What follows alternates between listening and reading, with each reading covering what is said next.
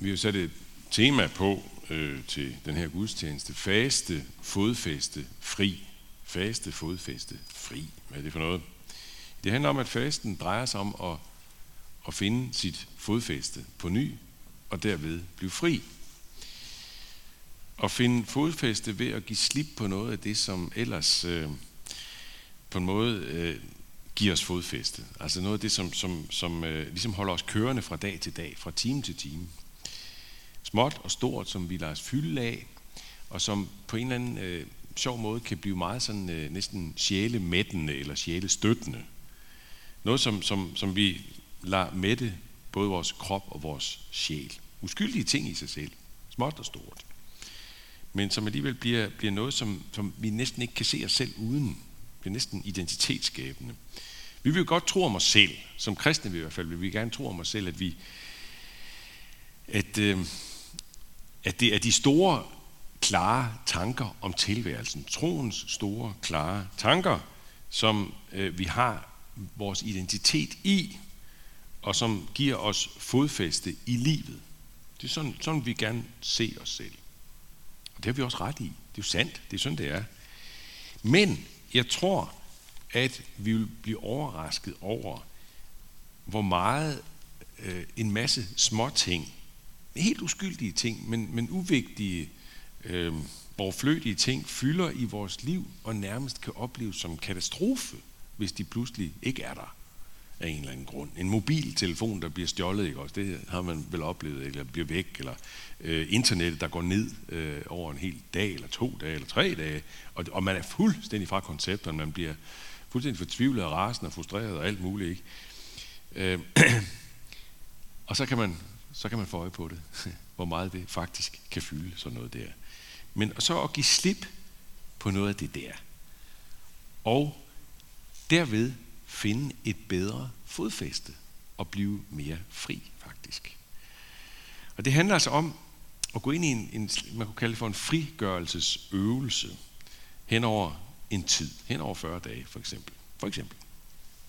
Det handler om at finde fodfæste igen i noget, som er væsentligere, noget, som er, har mere tyngde, noget, som har mere substans, noget mere langtidsholdbart. Det er også noget af det, der ligger i, i det her trendy noget for tiden med, med simple life, simple lifestyle, ikke? Altså, som, som mange dyrker på forskellige måder.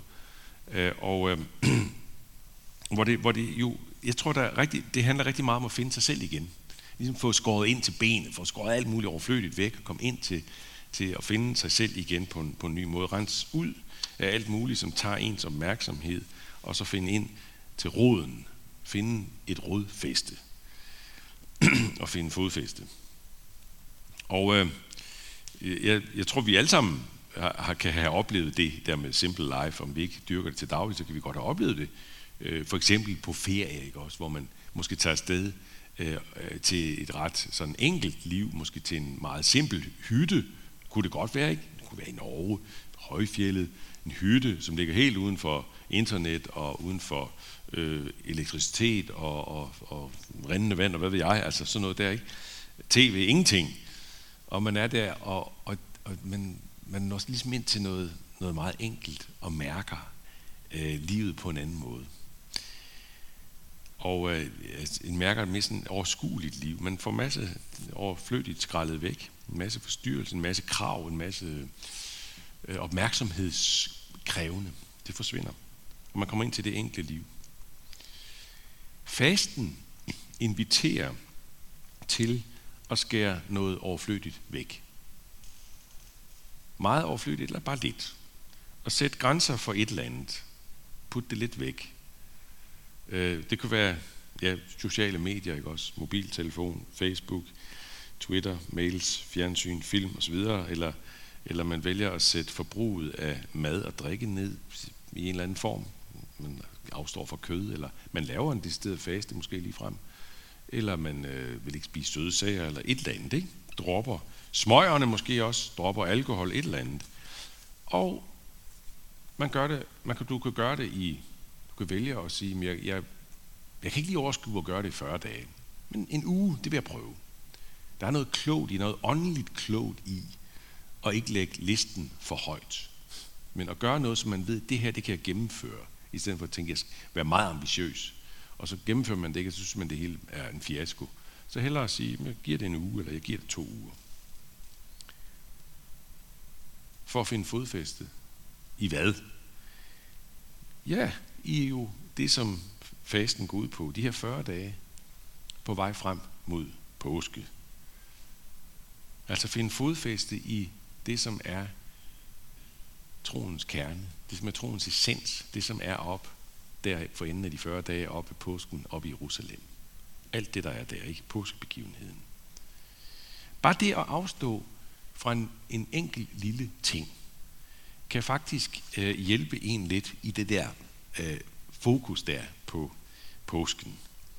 En, øh, bare at give afkald på en enkelt øh, af hverdagens rutine fornøjelser, det kan have den effekt, at man konstant bliver mindet om, at det er faste, og at vi er på vej mod Jerusalem. På vej mod, hvad? På vej mod livskilden. På vej mod det evige livskilde, simpelthen. På den måde, så, så, så kan altså den, den mindste lille faste ting, man beslutter sig for at, at lægge væk, ikke? det kan faktisk gøre noget. Det, det, det bliver til det, som jeg har lært i, i, uh, i en tysk sammenhæng, at man kalder det for påmindelsesfaste. Påmindelsesfaste. Bare det, som vi gør øh, her i kirken, øh, igennem øh, fastetiden om søndagen, det vi jo opdager fra næste søndag, ikke?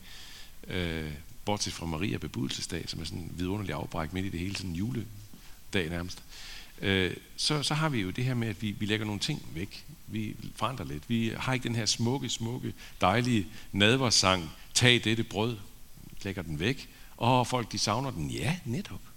Det er også pointen, ikke? Man skal glæde sig til, den kommer igen.